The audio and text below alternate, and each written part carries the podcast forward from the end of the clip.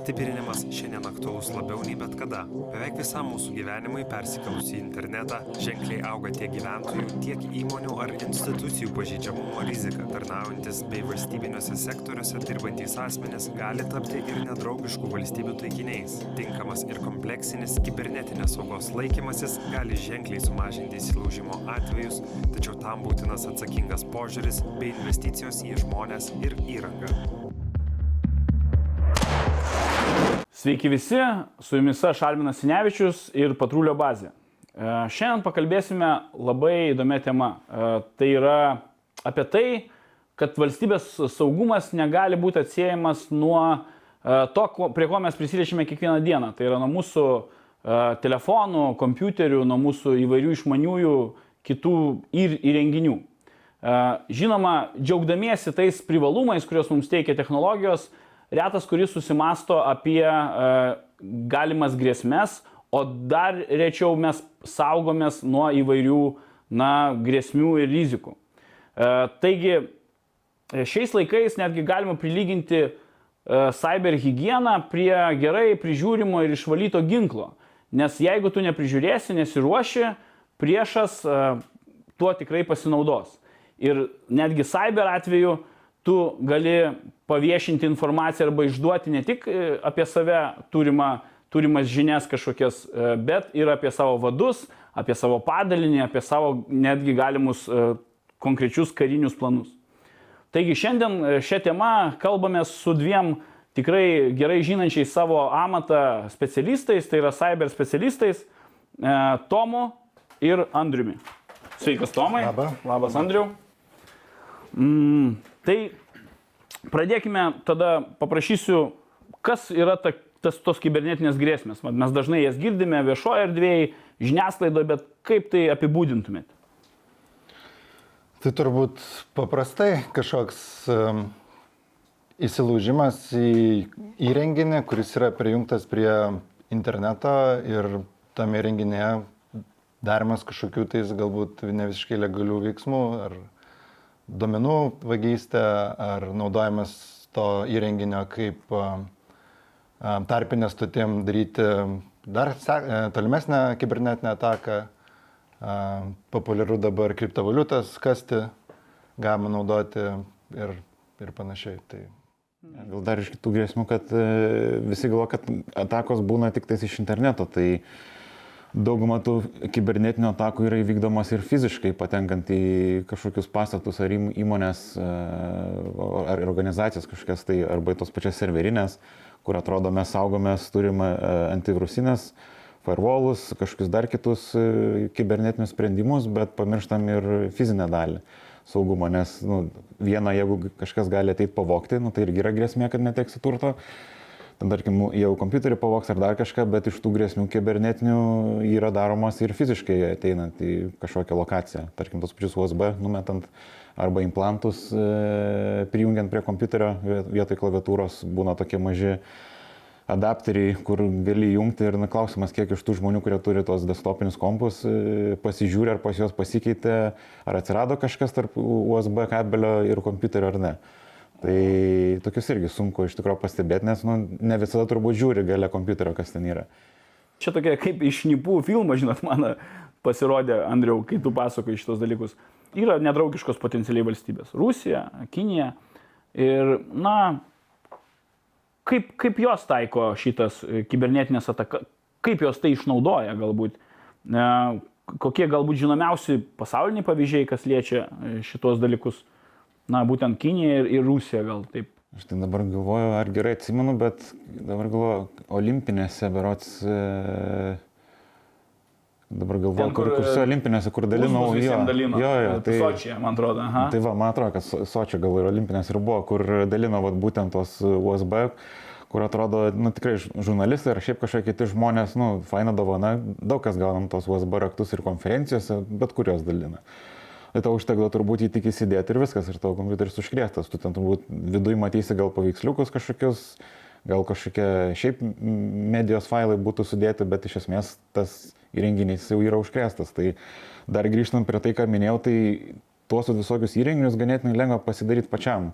Galėsiu irgi po to pasidalinti nuorodą. Tai E, gali būti e, net ir kabelis iPhone arba bet koks kitas įrenginys, kurį mes e, turi USB jungti, jungiam į kompiuterį ar dar kažkur, gali būti, kaip čia, koks žodis būtų, užbekdorintas arba tiesiog mikroschema įdėta į, į tą e, USB dalies e, dalį, kurią, kurią mes jungiamės. Ir tas įrenginys gali atrodyti labai paprastas, ar tai būtų va, telefonas kažkoks, ar, ar, ar šiaip kažkoks e, kitas dalykas, bet mes niekada nežinom, ką jungiam iš tikrųjų. Tai aš net nežinau, kaip reiktų apsaugoti. Šiaip yra ska, skanerių fizinių, kurie gali tos įrenginius aptikti, ar kažkas yra dar papildomai viduje, bet nu, jau čia toks Aš manau, kad prie šitos temos dar mes grįšime. Turbūt dar žanro klasika yra iš kibernetinio to pasaulio, tai tas tuksneto virusas, kuris e, buvo, nėra taip ir aišku, kas jį pagamino, bet e, spėjama, kad ar amerikiečių ar Izraelio tarnybos um,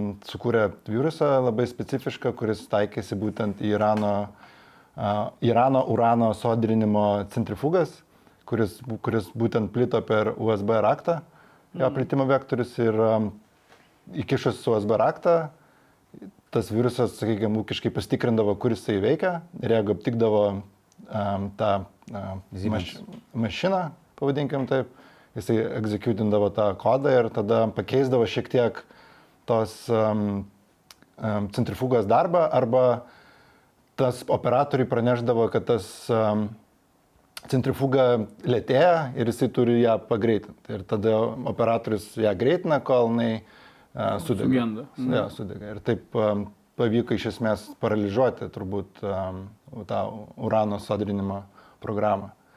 Tai ir buvo gan, gan, gan sėkminga. Ir iš tikrųjų tai buvo tas pats virusas, jį reverse engineerinti. Tas reverse engineeringas reiškia, kad bandoma um, atsekti, kaip tas virusas buvo padarytas, kaip veikia kodas ir panašiai. Tai užtruko pakankamai ilgą laiką tarpą specialistams tą padaryti ir bandyti išsiaiškinti, kaip jisai veikia, ko jis ieško, kur pasileidžia, kur nepasileidžia ir panašiai.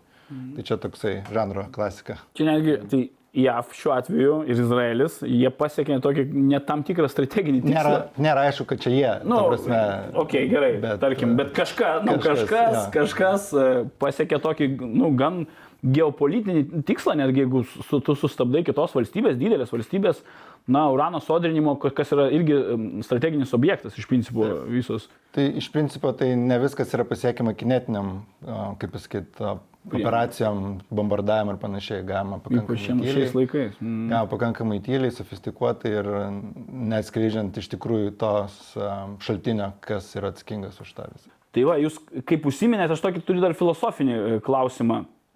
E, nors ir jūs esate tiksliųjų mokslo atstovai ir ekspertai, bet tai vat, su sodrinimo, ur- urano sodrinimo programa, kuri buvo iš principo apribota, sustabdyta, ne, pasiekti strateginiai tikslai. Tai ar galima kibernetinių atakų, na, pagalba e, pasiekti tam tikrus strateginius tikslus arba pakeisti valstybės, na, sukelti revoliuciją, tabu, tarkim, valstybėje, arba e, pakeisti jos, na, politinį, karinį, na, kryptį galbūt netgi visą. Priklauso turbūt nuo šalies ir nuo užduoties. A, Kažkokią įvesti destrukciją, nu, tarkim, galima paimti pavyzdį kaip Ukraina. Ne, ir yra tos tokios grupuotės, tie uh, uh, meškutės, Fancy Bear, Cozy Bear ten ir panašiai, kurie yra tapatinami su Rusija. Tai um, ne vieną eilę metų yra atakuojama Ukraina ir buvo prieš keletą metų ir atjungta elektra per naujus, per, per naujus, ar kalėd, per naujus metus ar kalėdas keliom valandom. Ir ne vieną kartą buvo atjungta elektra.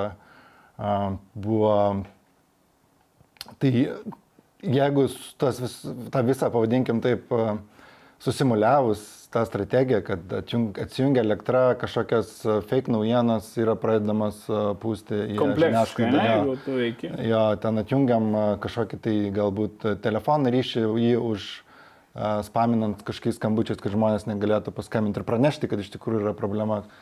Um, tai tas taip sukombinavus iš tikrųjų galima kažkokį pasiekti suirutę šalyje ir, um, ir, ir, ir, ir, kažkokius pasiekti savo iškeltus tikslus. E, Andriu, jūs turite, ką Jo, tai aš pri- pritarčiau, tai turbūt čia iš tų pavyzdžių tai yra Amerikos rinkimai, kur galimai irgi buvo, kaip čia, e, prisidėta, kad tie rinkimai nu, būtų nu, paslinkti į vieną ar kitą pusę, tai tų strateginių tikslų gyvenimas, tai taip, tai tas pats visas cyberis arba kibernetinis saugumas jau yra, kaip čia, skirstomas į generacijas. Tai, man atrodo, skaitosi trečia generacija buvo tuomet apie 20 metus, kada šalis pradėjo naudoti kibernetinę, kibernetinės atakas ir įrankius e, kaip e, polimą. Žinau, kaip polimo įrankius, kažkokius metodus. Tai dabar mes gyvenam penktoji, yra penkta ta e, generacija kibernetinių atakų. O šešta yra laikoma, kai turėsim tos visus IoT įrenginius, daiktų internetas. Tai turbūt kada tas prasidės, neaišku, nėra kažkokios konkrečios datos. Dirbtinio intelekto, net tai big data. Jo, tai of tas, nu, mes jau einam link šeš, šeštos generacijos, aišku, kai tų įrenginių pas mus bus vis daugiau ir jų atsiranda ir tos pačios išmanios lemputės ir, ir namų valdymas, tai vat, pereisim į tą šeštą generaciją. Tai šalis, e, mat, dabar neatsimenu, bet e, berots Amerikos e, saugumo departamentas irgi leidžia kas metus analizę įvairių rizikų globaliai, tai cyber atakos jos yra ganėtinai aukštai. Ir didėja, didėja Ir, ir didėja, ir, ir pelnas yra žymiai didesnio, kad iš ginklų ar ten kitų kaip čia, dalykų, kuriuos galima nupirkti, parduoti. Taip, taip. Tai tikrai. O kaip paminėjai Amerikos rinkimus, aš dar prisiminiau Europoje, tai aš manau, Brexitas irgi buvo tikrai, na, tenais buvo kažkokių, uh, ar jūs nepastebėjote, negirdėjote apie cyber kažkokių. Labai ta plana e, linija arba ta pilkoji zona yra, kai yra įsitraukia socialiniai tinklai. Vėl neaišku, ar tie įtaka daroma socialinių tinklų am, rinkimams, tam pačiam Brexitui ar, ar kažkam, tai nebūtinai turbūt yra tapatinimas su kibernetinė ataka kaip tokia, nes tie nuomonės formuotojai ir, ir panašiai, turbūt čia informacinė jau tokia kampanija vyk, vyk, vyksta. Bet yra turbūt ir tų pačių botų, kurie ten spamina, rašo komentarus automatiškai ir, ir, ir, ir, ir, ir galbūt irgi kažkiek įtakoja tą visą socialinių tinklų veiklą. Tai, bet vėl grįžtant prie tos kombinacijos, tai vat ir yra svarbu, kad jeigu e, kiberneto ataka kaip tokia, jinai turbūt nepakeis to e, geopolitinio kažkokio tais, e, nežinau, kurso, bet jeigu mes įkomponuotume lygiai grečiai dar keletą e, kažkokių tais informacinę ataką, kibernetinę ataką, galbūt kažkokia kinetinė, nežinau, diversija ar kažkas ir tada jau gal po truputį teisingai sudėliojus, tai galėtų į kažką, į, kažką rimčiau išsivystyti. Konkrečių pavyzdžių dėl karinių, vat, tarkim, ka- ka- karinėse operacijose, ar yra kur kibernetinė, vat, glaudžiai, vat, būtent su, e, su, e, su ta an- ant žemės e, vykstančia karinė operacija veikia? Jo, tai U- galima vėl paminėti Ukrainą, nes Ukraina šiuo metu yra toks labai geras, labai gera testavimo erdvė kibernetiniams atakoms ir, ir, ir, ir, ir pajėgumams. Tai vėl tie patys meškiukai. Um, bu, yra ar buvo programa, programėlė ant Androido, kuri buvo skirta pagelbėti artilerijai nusitaikyti ar, ar, ar, ar, ar, ar kažką panašaus. Ne, nesu artileristas, tai nežinau, kaip ten vyksta tas principas, bet ta programa buvo sukurta a, buvusio Ukrainos kažkokio žymaus am, ir ji buvo gan paplit, paplitus tarp artilerijos turbūt a, a, žmonių. Ir tą programą apkritė tie patys, kaip ten, s- state sponsored atakuotojai ir ją pakeitė taip, kad kai tu ją įsijungia, jinai siunčia koordinatės, kur ta aplikacija pasileido. Na ir natūralu, kad jeigu tokią aplikaciją naudoja, tai vadinasi kažkur jau ten turėtų būti artilerija kažkokia ir yra gan patogu tokią informaciją žinant, uh, tarkim, paleisti raketą, subombarduoti arba panaudoti ją kažkokiems tais um, savo kariniams Counter artillery gali tada mes. savo strateginiams tikslams. Dar, dar vienas pavyzdys, kurį irgi ką tik prisiminiau, tai yra Sirijos karas, um, kur um, Sirijos prezidentas kovoja prieš sukilėlius ir irgi buvo pasinaudota Skype programėlė, kur sukilėlį, tarkim, užkalbindavo graži mergina, jis su ją susikalbėdavo kažkaip tais, ta mergina iš tikrųjų net nebuvo tikra mergina, buvo kažkoksai tai pavadinkim tai botas, kuris užduodavo klausimus ir bandydavo nustatyti, ar tu esi prisijungęs per telefoną, ar per uh, laptopą, ar nu, per kompiuterį ir kokia yra operacinė sistema, ar Windows, ar Androidas, ar, ar kažkas. Ir pagal tai atsiųsdavo nuotrauką.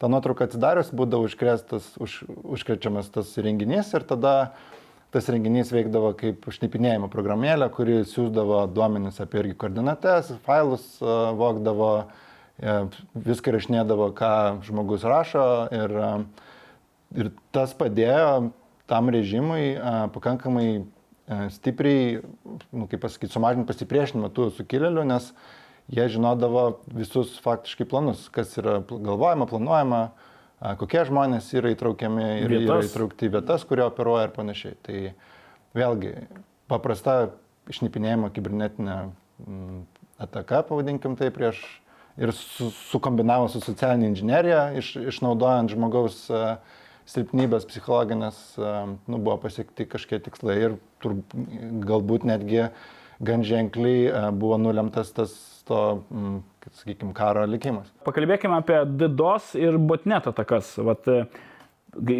jau užsiminė e, Andrius apie tas e, daiktų internetą tą, ne, kai gadgetai tarpusavį bendraus, tenais ir ten šalituvas užsakys maistą ir panašiai ir panašiai, ne, ten mašina su kita mašina bendraus ir, ir kameros ten tarpusavį jungsis į tinklus.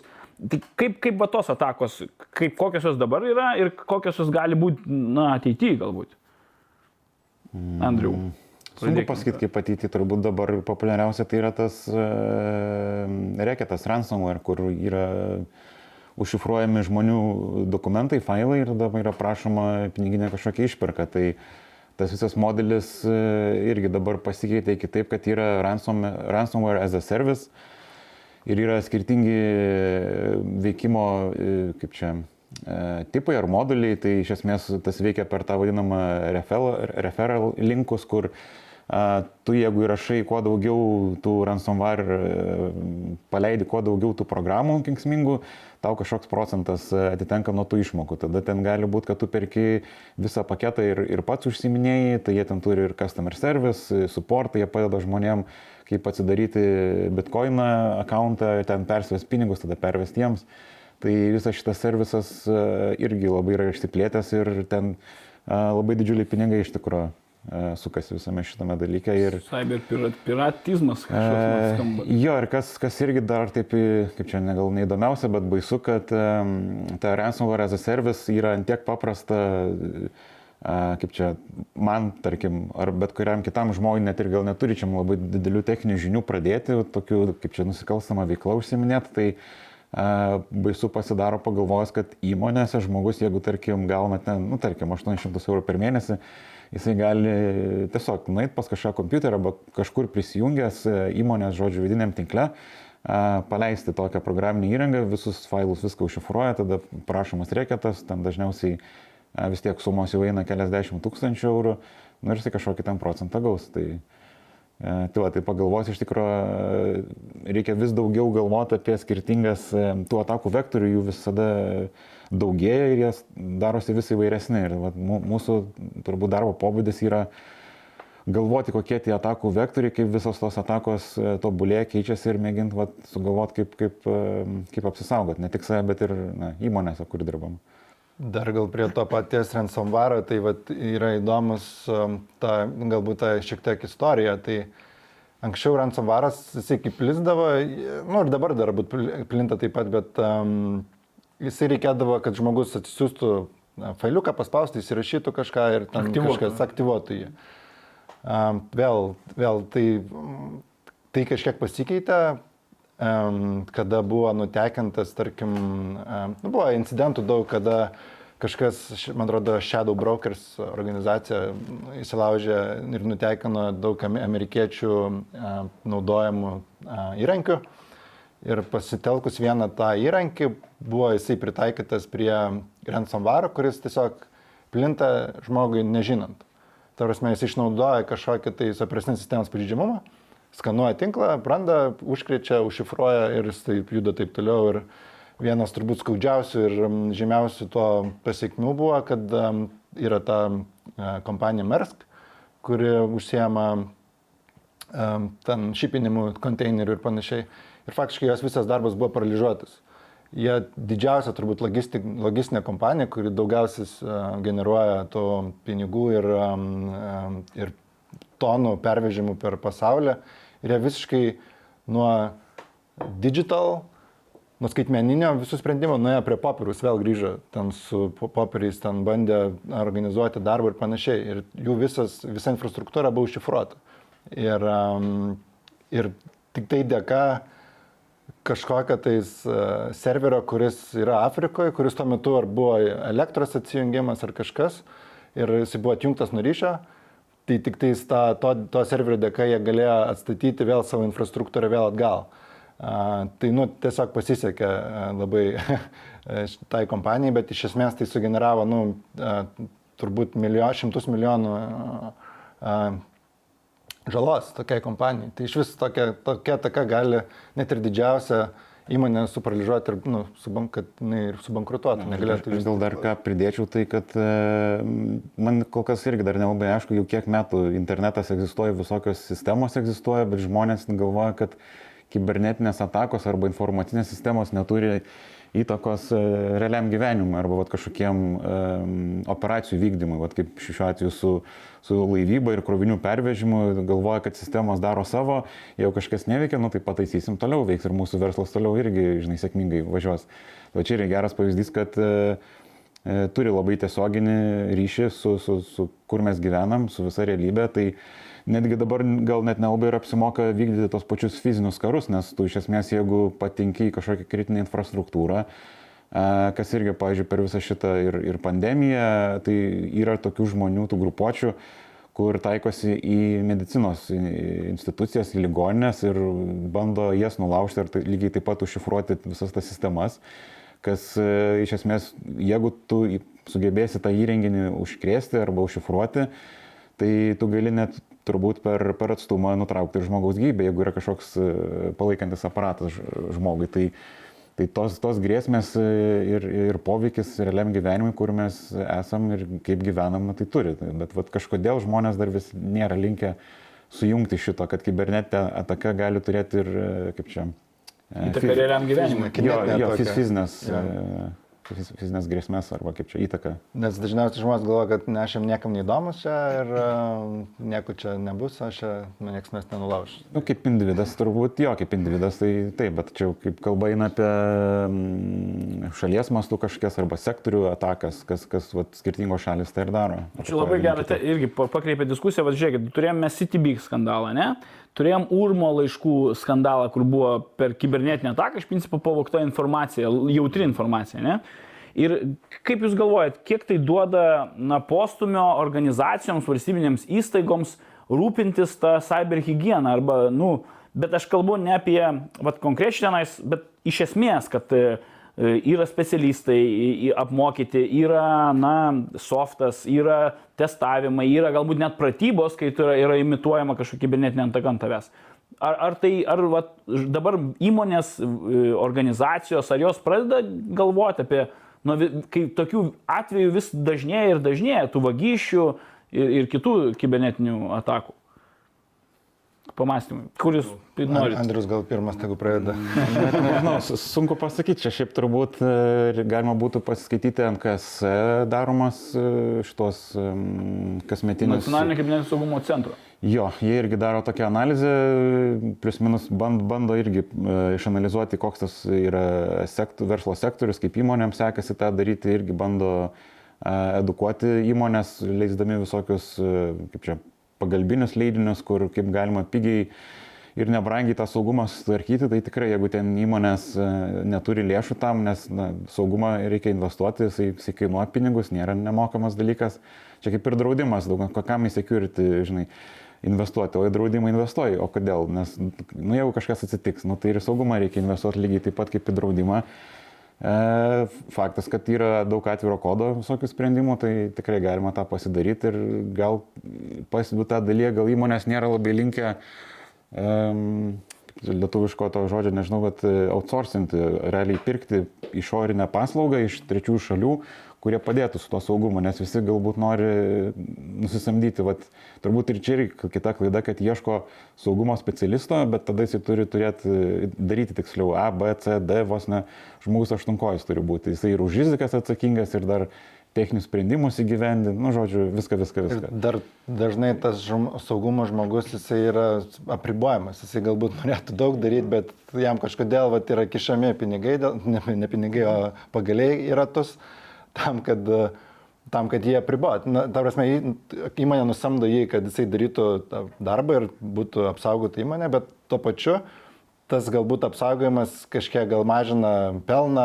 arba tą procesą biški apsunkina a, ir tada pamato, kad galbūt čia nereikia to saugumo ir tada pradeda kišti pagalius į ratus ir, ir neleidžia gal padaryti e, žmogui darbą. Tai aš buvau irgi pats ir asmeniškai tenka susidurti ir kiti kolegos yra pasakoja, kur tau kaip saug, su saugumu dirbančiam žmogui uždeda labai, duoda labai daug atsakomybių, bet sprendimo teisės tau neduoda. Tai tada vat, ir gaunasi tokia labai didžiulė priešprieša įmonės viduje, kai tu bandai kažkokį sprendimą pasiūlyti, nežinai, kad padės, bet tada kažkas viršui sako, nu nežinau, brangų nereikia, nesąmonė, kažkada vėliau padarysim nu, ir panašiai. Čia matau, jautri tema šiaip yra. Ta prasme, jo, Jūsų sektorė. E, Iš, iš tikrųjų, tai tarp, e, turbūt tarp didžiosios dalies e, saugumo specialistų yra, nu, tai yra nu, tam tikra kova šitoje vietoje, kad Nes vėl, nu, elementarus pavyzdys yra, tarkim, kaip aš vadinu, yra patogumo skalė, ja?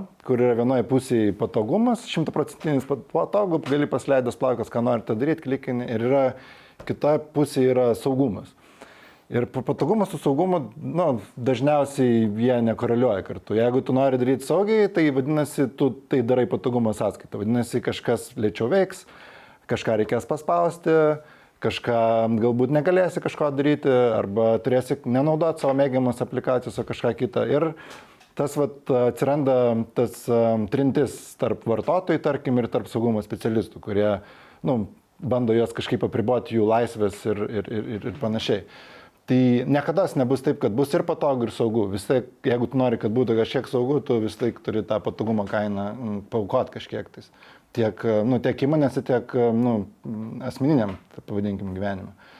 Tai, em, bet ar grįžtant prie, prie, prie, prie tų pačių skandalų, pavadinkim taip, nu, Lietuva ne pirma ir Lietuva ne paskutinė, kurioje vyksta e, kažkokios kibernetinės atakos, tai yra visiškai natūralu. Bet ne visas, e, nu, ir tie du atvejai yra, iš, iš, man taip atrodo, yra šiek tiek skirtingi. Ten vienas atvejis yra galbūt labiau... Um, CTB ir e, Urmo laiškai. Taip, Jo, nu, apie tuos tar- tarkim, jo. Mhm, tarkim. mhm. Uh, tai atakos būna uh, dažnai, kad um, dėl žmogiškos klaidos.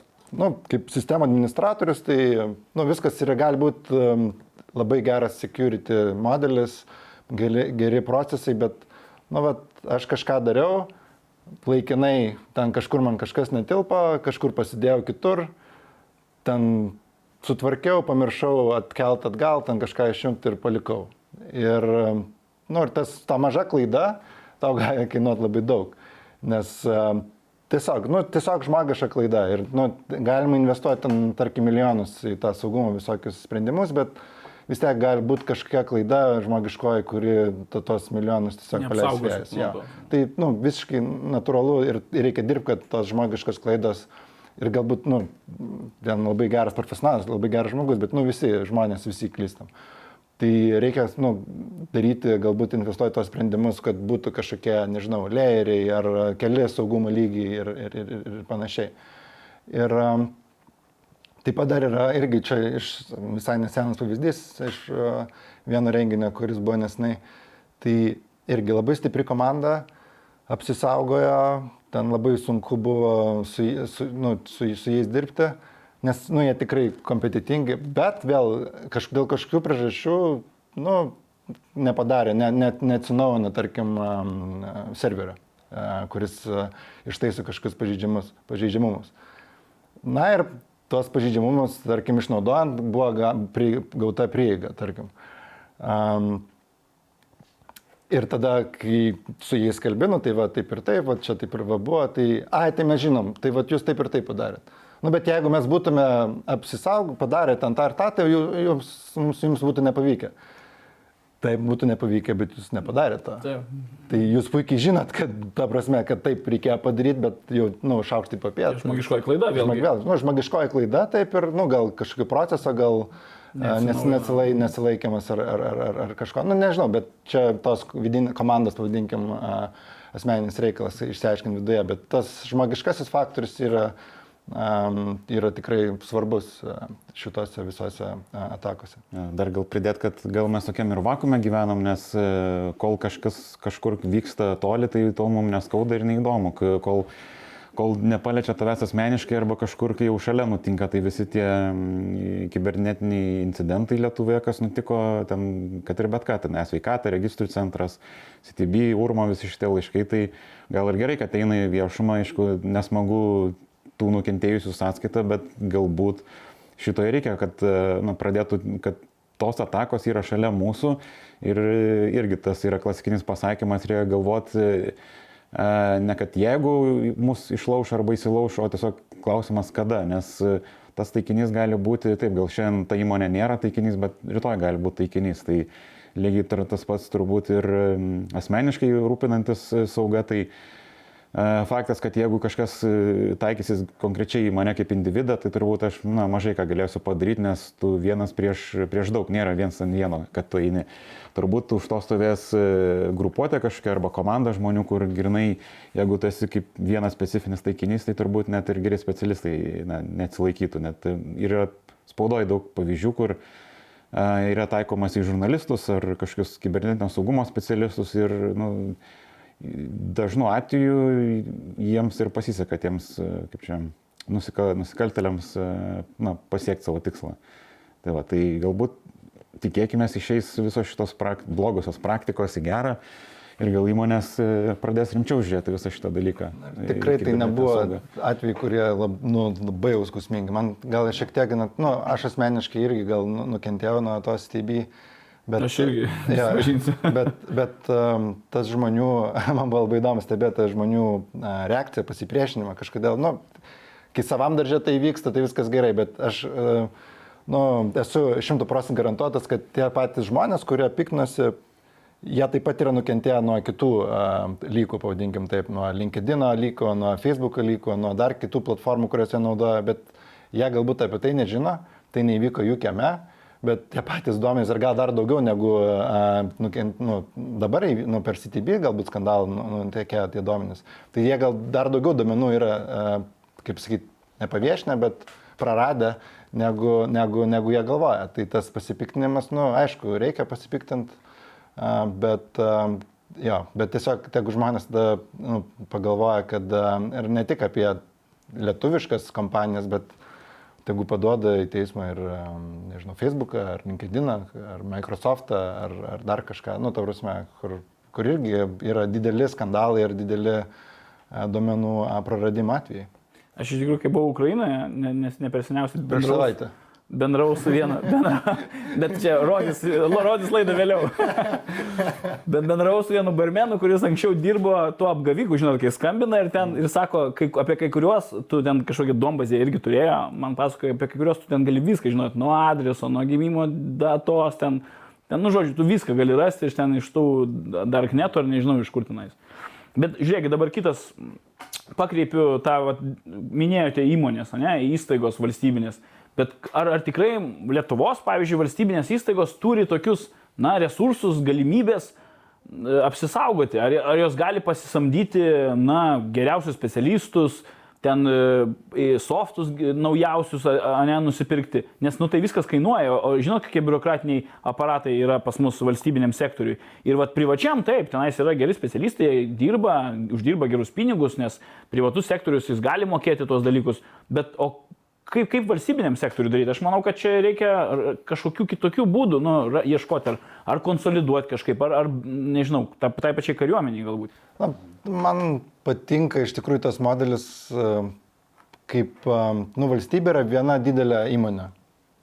Apple, nežinau, Google, nu, kur daug darbuotojų, daug skirtingų departamentų, na, aišku, ten jos galbūt IT, nu, bet tas pats galbūt Merskas, kur visiškai nesu IT susijęs, bet e, kažką daro.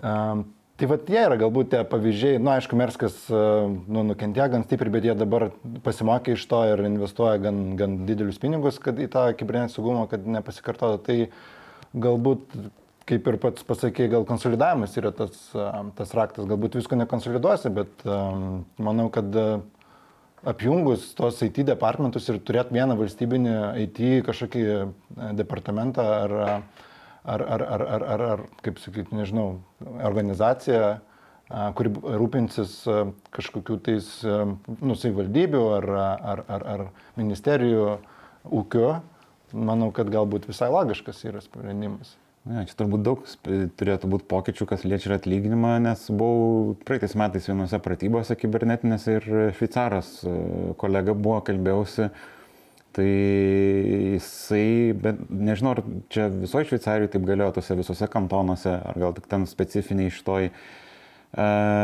valstybiniam toj struktūrai, ten Bros Department of Justice, saugumo departamentas, kaip čia. Teisės departamentas. Neteisės turbūt e, vid, kažkoks vidinis saugumo valstybės departamentas, tai žodžiu, buvo taip, kad jisai sako, klaus, kodėl tu perėjai iš privataus verslo į valstybinį. Tai sako, nes e, lankstesnis darbo grafikas, e, didesnis atlyginimas ir, ir ten kiti privalumai, bet kur gali ir ko tada konferencijos kažkokias važinėti specifinės, nes faktas, kad jeigu tu dirbi kaip civilis privačiam sektoriui, tai ne visada ir pateksi į, tai tarkim, kažkokias nacionalinio lygmenio kibernetinės partybos organizuojamos, tie patys, pavyzdžiui, suremti skydai, Locket Shields e, Estijoje, kur, kur yra daromi. Tai, tai va, tai, pavyzdžiui, buvau nustebęs, kad žmogus, e, kad visgi valstybiniam sektoriui e, daugiau moka nei privačiam Šveicarijai. Tai čia, va, Šveicarijai. Jo. Čia, aišku, negalima turbūt generalizuoti, bet na, su juo vienu kalbėjausi, jisai pats pasakė, kad ten, kur dirbo privačiai, o jisai dirbo kaip uh, šitas kaip penetration testeris, kuris daro saugumo auditus įsilaužimo, tai vat, na, už tokį darbą ten tikrai nėra maži pinigai mokami apskritai, nes tu gali būti ir laisvai samdomu ir daryti tą patį, bet visgi jisai nusprendė, kad geriau eiti į valstybinį sektorių. Kas pas mus galėtų konsoliduoti? Nacionalinio saugumo, kibernetinio saugumo centras ar, ar, kas, ar, ar kariuomenės kažkokie vienetai, kurie užsiema kibernetinį? Kaip suprantu, nacionalinis, šitas nacionalinis kibernetinis saugumo centras yra atsakingas už valstybinio sektoriaus saugą visų įmonių. Tai, tai jis turbūt irgi jis yra pribotas, ne, negali nu, kažkaip gal nurodyti, kad pa, pa, pa, panaikinkit šitą pažydžiamumą, nes jeigu nepanaikinsit, nežinau, gausit baudą ar kažko. Na, nu, ta prasme, galbūt dar vienas yra minusas gal atsakomybės trūkumas, kad nieks, nu, ta prasme, kad ir kažkas atsitiks, nieks nebus atsakingo žmogaus, kuri, nu, ir nieko jam nebus. Tai galbūt jeigu būtų kažkokia įvesta atsakomybė, Čia apie valstybinį sektorių. Ja, ja, ja. Aš kiek atsimenu, berots jie NKS gali tiesiog siūlyti, jų darbas yra informuoti ir pasakyti, kas negerai, bet jie negali jokio kito poveikio daryti, kad privers kažkokiu būdu kažkokiam ten, tarkim, mažo miestelio savivaldybei užsilopyti savo ten turinio valdymo sistemą arba serverius. Kaip ir atsakomybė krenta sistemo administratoriui arba tas, tam, kam priklauso visas tas dalykas. Tai NKS gali tik padėti, patart. Idėja, kad uh, nežinau, ar pasiteisins, tu šiaip čia įdomu, reiktų pažiūrėti, gal užsienį ir kažkas panašaus yra taip jau, arba judama link tos, kad, tarkim, turėtų valstybinę, valstybiniam lygmenį, tą pavadinkim, CISO poziciją, Chief Information Security Officer, kas skamba biški nerealiai, bet gal visai būtų įdomu, nes kaip ir įmonė, jeigu yra pasamdytas CISO vadovas, IT saugos vadas, tai iš esmės jisai atsakingas. Jeigu įmonė, na, formuoti įmonės saugumo politiką ir apsisaugoti nuo visokių grėsmių ir rizikų, nes jeigu kažkas atsitiks, na, jis turbūt pirmas, kuris, kaip klausimas, ar bus atleistas iš darbo ar ne, bet, na, tai yra jo tiesioginė atsakomybių e, zona, už ką jis atsako ir, ir atsako po to šitiem įmonės savininkam. Tai turbūt, turbūt panašus modelis galėtų būti ir valstybiniam sektoriui. Būtų šiaip įdomu, reiks, reiks turbūt paskaityti. Kažkaip ar, ar, turbūt gal ar tas, jo, tas pats um, modelis verslo pritaikymas uh, valstybiniam sektoriui gal jisai kažkiek nu, pasteisintų. Čia nu, reikėtų studiją kažkiek padaryti, mm. nes taip. Čia labiau, kaip sakyti, jau above our pay grade. yra žmonės, kurie tom užsiema. Mes prie labiau prie Mes žemiškų. pasiūlyti, siūlymus teikti. Mes prie žemiškų dalykų. Gerai, pakalbėkime dabar, irgi man labai aktuali ir, ir daugumai iš tikrųjų um, karių, pareigūnų, diplomatų aktuali tema, kai tu keliauji, uh, irgi pavyzdžiui, pateiksiu pavyzdį, dar iki 2014 metų, iki konflikto Ukrainoje, iki pykčio su Baltarusija ir visų šitų neramumų, uh, karo akademijos delegacija važiavo į Baltarusiją. Nu, į jų karo akademiją. Nu, bendradarbiavimas toksai paviršutiniškas, bet vis tiek jis vyko. Ir ten sakė, va, su kolega kalbėjau, tai sako, ten ne tik sutvarkydavo tavo kambarį, ten tavo daiktai skirtingose vietose gulėdavo, kompiuteriai, telefonai. Na ir vis tiek, va, dabar aš irgi Ukrainoje buvau ir, ir ten tu žinai, kad tau tvarko kambarį, ne? Tu negali visą laiką su savim visų gedžetų pasimti, arba galbūt gali, galbūt reikia tada imti su savim visą laiką. Tai kaip galbūt galima, na, e, apsisaugoti nuo tų įsilaužimų į asmeninius įrenginius, tiek kalbant apie duomenų perimimą, tarkim, viešose vietose, nežinau, per Wi-Fi ar per kitus tinklus. E, Na, kad ir tas pats šnipinėjimo pavyzdys su, su Pegaso programa, ne, galbūt ją truputį pakomentuotumėte. Ar galima kažkaip sumažinti va, tas rizikas, kurios, kurias mes susidurėm, ypač oficialūs pareigūnai, nu ir nebūtinai jie, galbūt įmonių vadovai didelių, ane, kurie keliauja na, į tas valstybės, kuriuose nėra tokių na, reikalavimų gal taikomų arba kurios yra ne- nedraugiškos tos pačios rytų valstybės. Turbūt pirmas, pirmas dalykas, kuris man šauna į galvą, tai neimti savo asmeninio telefono, nei kompiuterio. Aš jau. Aš šitą, šitą, šitą irgi norėjau tą patį sakyti, nes Čia turbūt geriausia prevencija arba Pasirašau šitą. Jo, pasimti tiesiog, e, nu, turėt, pavadinkim, jeigu tenka jau tikrai keliauti po tokias šalis, kur nelabai gal aišku, tai, na, tiesiog turėt kitą telefoną, kur... Burner phone'as, Jo, burner phone'as, kur nieko nebūtų. Nieko nėra, jeigu kažko reikia įsirašai, grįžti, išmeti tą telefoną ir visą. O plus, jeigu reikia kompiuterio, na tai kompiuterį gali turėti atskirą kompiuterį, kur nebent reikalingas tiesiog e, iš esmės ekranas ir klaviatūra, bet visi failai, na vis tiek reiktų lygiai taip pat ir asmeniniam gyvenimui turėti backupus ir laikyti duomenis ne kompiuterį, o kažkur klaudę, tarkim, keliose vietose. Tai tau fizinį, fizinio kompiuterio tavo asmeninio turbūt nelabai reikia, gali bet kokį pasimti kitą. Tokį tai vežtis.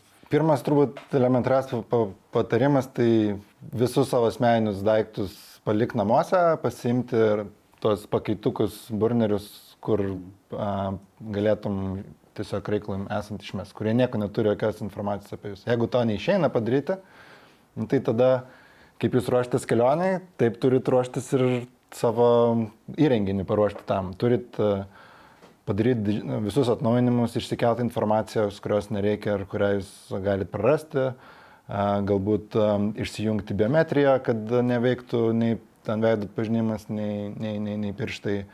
Um, išsi, kontaktų sąrašą galbūt sumažinti, nu, sumažinti kažkokią tai. Žodžiu, viskas, viską turi padaryti taip, kad būtų negaila prarasti. Nes, nu, ir jeigu važiuojate į didelės rizikos šalį, tai, nu, jau turit, kaip sakyt, turėt galvoj, kad jūs jau ten kažkas paims. mm. jo, tai, um, o dėl viešbučio tai irgi nesinaudoti viešbučio Wi-Fi, vis laik naudotis VPN, -u, nesijungti prie Wi-Fi, pas visą laiką įrenginiai su savim, nepalikti jokių nu, daiktų viešbutyje, nu, elektroninių, pavadinkim taip. Arba jeigu, ne, nežinau, ar kiek tai apsaugos, bet jeigu yra seifas, tai palikti tame seife, bet a, seifai viešbučiuose dažniausiai personalas turi tos visrakčius, kurias reikalą esant galima atidaryti. O tai vieši Wi-Fi per juos irgi galima, ne, perimti duomenis kažkaip, taip? Nu, re- realiai bet kur, kur yra viešas internetas ir tu jungiasi, tu iš esmės nežinai, prie ko tu jungiasi. Kas, kas sėdi ten, prie ko prisijungs. Ar jis yra kontroliuojamas e, žmonių, kurie turi kažkokius užslėptus motyvus, ar tai yra tiesiog paprastas e, šitas be, kažkoks interneto ryšys, prie kurio prisijungi. Tai va, dėl to yra gerai naudoti tą patį VPN, kuris apsaugo visą tą dalyką. Nu, ir kitas dalykas, kad, aišku, nepatikrinsi, kas ten per bevėlis tinklas, ar saugu, nesaugu prie jungtis, bet galbūt tiesiog galvoti, ką tu tada darai, e, kur naršai, žodžiu, kokius puslapius vaikštai ir, ir visa kita, nes, e, na, tu nežinai, ar tavo šitas interneto srautas yra perimamas ar ne. Čia jeigu VPN neturi.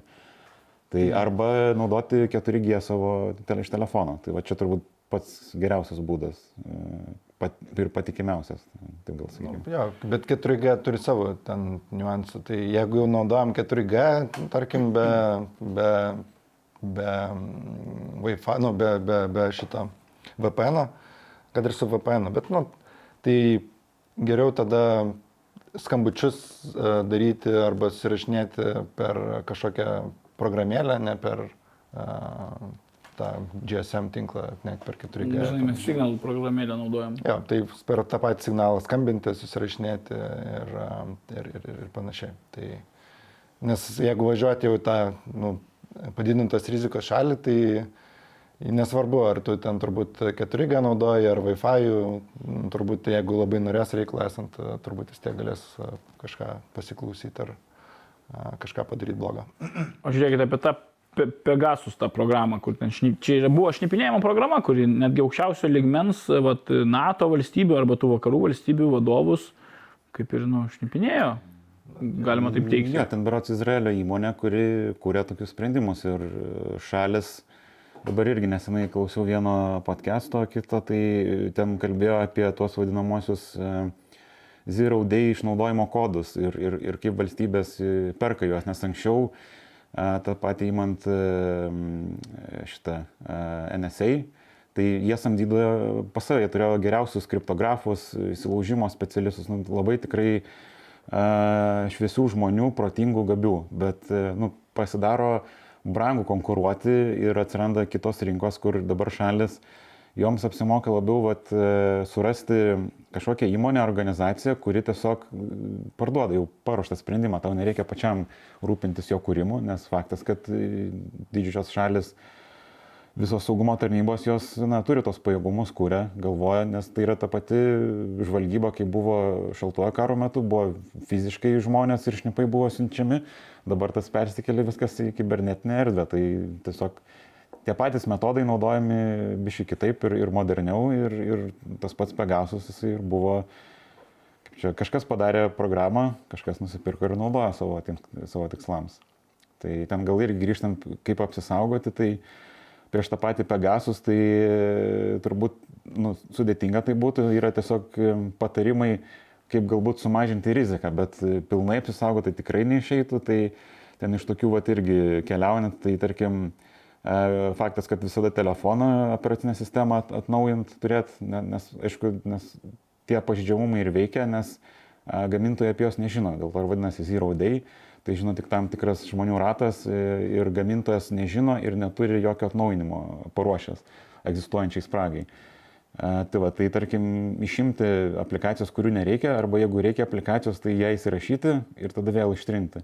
Tačiau, vad, kur Tomas minėjo, kad e, saugumas ir yra tarp patogumo ir saugumo. Tai a, galbūt, jeigu tau reikia, tarkim, kai kurių aplikacijų, tai galbūt tu jas atsisiųsk, prisijung, padaryk, ką reikia ir vėl ištrink, kad, kad būtų kuo mažiau tų aplikacijų. Bet čia turbūt priklauso, kas tu per žmogus ir kuo užsiemi. Ir ar tu, esi, ar tu gali būti kažkieno taikinys, tarkim, jeigu esi galbūt e, žurnalistas arba gyveni kažkokiam, em, na, kaip čia, tose šalise, kur yra didžiulė propaganda arba būtent e, nėra žodžio laisvės, tai faktas, kad jeigu tu na, rašai apie, apie žodžio laisvę arba esi žurnalistas ir, ir mėgini daryti kažkokias analizės arba tyrimus, net nežinau, ar Lietuvoje yra taip nutikę, bet jeigu tu darai kažkokį tyrimą, tai na, gali būti, kad tu gali būti potencialiai irgi kaip taikinys. Tai pavyzdžiui, Protasevičiaus atvejis, kai, nu, greičiausiai Baltarusija žinojo, kad jis skrenda tuo Rainer skrydžiu ir, na, kažkaip susekė per įrenginius, gal ne per įrenginius, bet, Ten daug yra Aišku, versijų turbūt. Jo, daug tų versijų yra, bet, na, nu, bet faktas. galimybė tokia buvo ir per sus, susekti jį, na, ne, tą pėdsaką žmogaus, per būtent per, per, per įrenginius, per kažkokius. Jo, tai, bet vėl, čia taip nereikėtų galvoti, kad e, būtent ta Pegasus programinė įranga, jinai gali būti naudojama čia šimtam ten tūkstančių žmonių, ten vos nedaryti e, valstybiniu mastu sėkimą. Tai, tarsi, tai dažniausiai naudojama tik tais kažkokiam pavieniam konkretiam asmenim, nes ta pati programinė įranga kainuoja ten keli šimtus tūkstančių dolerių, plus um, jeigu tu nori, kad jie ten ir apkrėstų tau ten ir valdytų kažkaip tą visą informaciją iš to, tai dar prisideda šimtai tūkstančių dolerių, tai, nu, kaip Tai nėra nėra, pigu, nėra nėra, pigus nu. malonumas. Tai, uh, E, Yra valstybės, turbūt, e, kurios gali gal, nu, ta prasme, nu, nu, kiekviena valstybė turbūt e, atras ten kokį milijoną kitą ten kažkam, bet, e, bet, vėl, nu, bet tai nebus taip, kad, e, nu, nėra taip, kad dabar čia visus e, e, piliečius mass surveillance ir visiems Pegasą įsirašom. Ir... Šiaip egzistuoja dar labai didelė iš tikrųjų rinka, yra daug tų brokerių vadinamų, kurie tarpininkauja, ar tai būtų kažkokie šalies institucijos, kurios nori va, būtent nusipirktos ziraudėjai pažydžiamumas, ar tai kažkokios kitos grupuotės nu, nusikalstamos. Ir e, jo, labai daug, kadangi dabar kompiuteriai yra prieinami visiems, bet kam ir bet kur, ir jie tikrai nedaug kainuoja ir tu tą programinį įrangą gali labai lengvai atsisiųsti, tai yra labai daug žmonių, kurie nu, galim įsivaizduoti, kad mes, aišku, šiuo metu kalbam čia podcast'e, kiti žmonės turbūt 24 valandas per parą bando surasti pažydžiamumus, juos parduoti, nes e, tam rinka tikrai egzistuoja, o kainos yra labai didžiulės. Milijonai. Ta prasme, ten už tą būtent tokio tipo malvaras, nu, pažydžiamumas, um, kuris vadinasi tas zero click, kur gauni SMS kažkokį, kad vartotojų, tarsi, vartotojų jokio nereikia paspaudimo padaryti nieko. Ten, būtent Pegasus atveju arba WhatsApp, arba į tą iMessage atsiųsdavo, arba paskambindavo ir tiesiog ištrindavo ten tą skambutį ir jau tavo telefonas apkrėstas, tavo vartotojai nieko nereikėtų daryti. Tai toks pažydžiamumas, jisai, nu, ten įmonės tiesiog supirkinėja tokius pažydžiamumus, gali mokėti ten apie 3,5 milijono dolerių, ten 3 milijonus dolerių, ta prasme tai yra, nu, pakankamai dideli pinigai. Ir aišku, ir žmogus, kuris ieško tokio pažydžiamumo, jisai praleidžia turbūt ne vieną dieną ir ne dvi, ir ne, ne mėnesį, turbūt gal gali užtrukti ir met, metus laiko.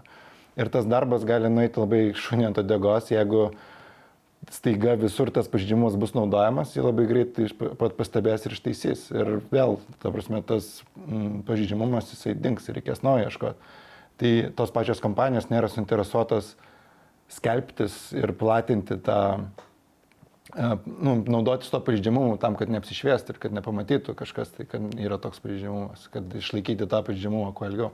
Ja, man dar, dar apskritai apie kokybę, kalbant visų, čia, aplikacijų arba programinės įrangos, e, biški ir, ir pikta ir keista, kad e, ten, tarkim, tą patį Apple įmant, ar, ar bet, gal apskritai bet kokį, kiek išeina daug atnaujinimų programiniai įrangai per metus, įmant kažkokį vieną konkretų produktą. Tai, kodėl mes dar tiek metų negalim kurti kokybiško produkto, nes, pavyzdžiui, e, kodėl automobiliai yra išleidžiami iš gamyklos, tai mes per metus nevažiuojam 20 kartų į autoservisą mašinos taisyti. Jeigu mes naują įsigijom ją, tai kažkaip mašinos yra kūriamas kokybiškai, kad tarnautų ir būtų saugios, jeigu e, įvyksta kažkoks incidentas.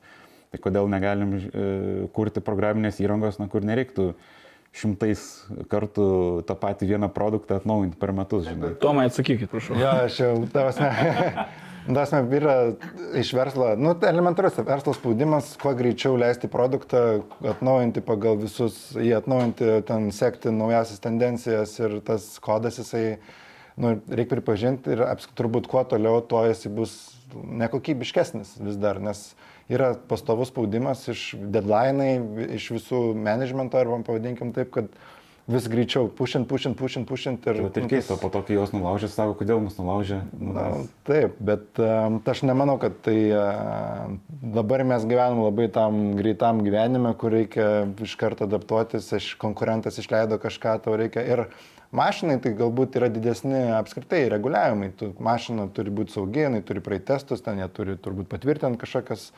organizacijos, tas pats su lėktuvu, ten tu negalėgi išleisti lėktuvą ir, ai, nu, va, nukrito, tai dabar va, taisysim. Tai, Naujinimą darom. jo, tai su programėlėm nėra jokios reguliacijos, jeigu būtų kažkokia, nu, nežinau, įstaiga valstybinė ar tarptautinė, kuri kiekvieną aplikaciją peržiūrinėtų, tai tada gal ir būtų kažkoksai tai... Um, Bet Tai čia irgi nesenai daug tų pavyzdžių yra, kur žmonės skrenda tos tarp, tarp, tarp Atlantinius skrydžius ir prisijungia į visą tą medijos konsolę, kur žmonės tiesiog turi televizorių, gali ten žiūrėti filmus, viską, tai tu gali lėktuvą perimti. Tai čia gal turbūt nu, negalima sakyti, kad turėtų galioti tokie standartai visose sektoriuose ar bet kokiai programiniai įrangai, bet turbūt tam tikrose turėtų būti biški daugiau fokusuojamas į kokybę, tą patį medicinos visą sferą lėktuvai. Jeigu žmogus gali perimti lėktuvo elektroniką, tai nu, tai kodėl tada ten toks nekokybiškas a, programinis kodas yra išleidžiamas. Tai, nu, jo, nenuskubėsi, tašnai, jie skuba išleisti lėktuvą, kad lėktuvas greičiau galėtų skraidyti ir vežti žmonės, bet e, e, mes paliekam tada labai daug va, tokių spragų arba atakos vektorių, kurie gali būti išnaudojami. O po to visi klausia, tai kodėl nesužiūrėjo, kodėl čia taip ir taip. Žinai, tai toks, nu, pa, patys pykstam dėl to, ko, ko nepadarėm ir, ir Visi neinvestuojam. vadovas principų pirmą padarom, paskui žiūrėsim. Žiūrėkit, aš dar norėčiau paklausti jūsų apie tuos IMSI catcherius, e, International Mobile Subscribe Identity, e, kur kaip nuo jų, kaip juos sugauti arba apsisaugoti nuo jų. Tai ir tuose pačiuose oro uostuose, viešbučiuose, ne? Ir kas tai yra, kaip tai veikia? Tai MC, catch- nežinau, MC catcheris tai yra turbūt ūkiškai tariant maža um, telefono stotis, kuri ap, apsimeta bokštų ir periminė, infra, perimin, perimina, periminė trafiką, um, nu, kaip man in the middle, prasme, kad tu iš pradžių um, komunikuoji su bokštu, atsiranda tas MC catcheris, tada jo ryšys yra geresnis ir tada telefonas bando persijungti į tą geresnį bokštą ir tada tas bokštas apsimeta kitam bokštui, kad yra telefonas ir taip visa grandinė vaikšto. Um, tai tiesiog, um, tiesiog taip vyksta. Tai, um, tai MCCasheriai turbūt yra, turbūt, nu, kiek aš domėjausi, tai yra trys veikimo būdai. Tai yra, nu, galima nustatyti lokaciją tikslę, kur yra renginys, galima džeminti e, ryšį, kad jisai priversti jį iš 4G naudoti ten 3G arba ten tą e, G- 2G. 2G ir kurie, kurie yra e, automatiškai naudoja tą e, mažesnį šifravimą, nesaugesnį arba iš vis naudoja šifravimą ir kad būtų lengviau perimti duomenis. E, Arba tiesiog perim, perim, perimti duomenis. E, Tai va trys veikimo principai. E, Turbūt Kaip apsisaugoti nuo jų? Ką reikia daryti? Na, Sunkiai. Šiaip aš kiek žinau, yra berots aplikacijų, kurios gali identifikuoti, kada tu pakeiti bokštą, arba, nes mes šiaip, kai telefoną nešiojamės, mes nežinom, prie kurio bokšto esam prisijungę. Tai yra aplikacijos, kurios gali tau pranešti, kada tu pakeiti bokštą, arba vis tiek yra, jeigu neklystų domenų bazės tų visų bokštų, tai tu gali Nu, aplikacija iš esmės kaip koks antivirusas, tai gali informuoti, kada tu būsi prijungtas arba perjungtas prie kažkokio, tarkim, kito bokšto. Bet nežinau, kiek jos yra patikimos tos programėlės, bet čia turbūt daugiausia tai, ką gali padaryti, tai telekomunikacijos e, visos įmonės. Faktas, kad jie gali kolaboruoti su teisėjos saugos institucijom ir leisti tą daryti. Nes šiaip jeigu... bendradarbiauti. Bendradarbiauti. taip. Be, jo, bendradarbiauti. Baltarusijoje. jo, nes šiaip jeigu vat, e, pas save namie tą tokią stotelę išsikelčiau, tai telekomunikacijų visas šitas tinklas, jie, jie stebi tokius dalykus ir jie, jeigu bus labai stiprus signalas, tai jie tikrai identifikuos, kad yra kažkoks e, ketvirtas e, provideris Lietuvė šito ryšio telekomunikacijų ir, ir suras. Tai nu, tas nėra legalu. Bet, o jeigu fly mode, atsiprašau, kad pertraukiu Tomai, fly mode, jeigu tu, vat, kai tau nereikia oro uoste, tu su fly mode vaikštai. Tai Padeda, nes tu atsijungi nuo tinklo. taip. Taip, tam reikia, jam veikti, vat ką aš norėjau pasakyti, kad jam veikti reikalingas ryšys, telefoninis ryšys. Tai jeigu mes telefoninį ryšį išjungiam, tai ir tas MC catcheris e, nelabai ką padarys. Tai telefono išjungimas arba flight modas tas pats, jisai padeda apsisaugoti, bet tuo pačiu ir e, nu, suteikia tam tikrą nepatogumo vėlgi jausmą, nes vėl saugumas tu yra negali, labiau, taip. jo. Tai negauni nieko, a, jokių žinučių ir panašiai. Kitas variantas, tai m, galbūt, kad ir, nu, priklausoma vėlgi, kokia yra, koks yra tikslas, bet tas pats vėl naudo, signal naudojimas, kad ž- tiek žinučių siuntimai, tiek Pokalbiai. pokalbiai, tai kažkiek turėtų apsaugoti irgi. Bet, pavyzdžiui, vietą tai nustatytų vis bet kuriuo atveju, kur jūs esate. Supratau. Gerai, pakalbėkime apie, keičiam kryptį mūsų pokalbio diskusijos, e, apie socialinę inžineriją. Vat tai yra irgi labai mistifikuota iš dalies, e, na, senai atsiradusi, vieni sako, kiti sako, įtobulėjanti, įvai, turi įvairius kampus. E, kas tai yra ir, ir ar tikrai žmogus yra, na, silpniausia dalis tos socialinės inžinerijos? Taip. O gal, o gal ne. Man tai tas nelabai patinka, kur sako, kad žmogus yra silpniausia grandis. Man ilgą laiką kažkaip nelabai nepatinka toks reiškimas ir e, kažkaip tik nesenai pradėjau e, surasti tokių daugiau straipsnių, kur žmogus e, nėra silpniausia grandis, bet reiktų, reikia orientuotis, e, nes žmogus gali žymiai geriau identifikuoti kažkokias e, spragas ir atakas, negu kad e, kažkokie saugumo sprendimai. Ir iš kitos pusės, į- kodėl žmogus yra kaltas, jeigu neveikia saugumo sprendimai. Tai jie ir yra daromi tam, kad žmogui padėti, bet mes kaltinam, kad žmogus yra kaltas, nors turim begalę ir aibę įvairių sprendimų, kur na, turėtų sumažinti tą barjerą atakos arba atakos vektoriaus kažkokį konkretaus. Tai kodėl kaltinam žmogų ir vėlgi grįžtant, o ne programinė įranga, kuri na, mes kūrėm, kad padėtų, bet visgi vat, žmogus kaltas, nes paspaudė phishingo laišką. O ką mes kaip specialistai gal mes galėjom tą užkardyti ir padaryti, kad tas laiškas visų pirma net neteitų iki to žmogaus. Bet mes vis tiek kaltinam žmogų, kad jisai vat paspaudė. Tai jeigu paspaudė, na, turėtų būti technologijos, kurios padeda. Tai čia toks, e, bent jau aš norėčiau būti linkęs sakyti, kad na, žmogus ne visada yra silpniausia grandis. Na, aš tai, tarsi, mano argumentacija yra tokia, kad e, socialinė inžinierija galbūt e, pagal apibrėžimą e, yra remiasi tom, kad e, išnaudoja žmogaus em, psichologinius pažydžiamumus.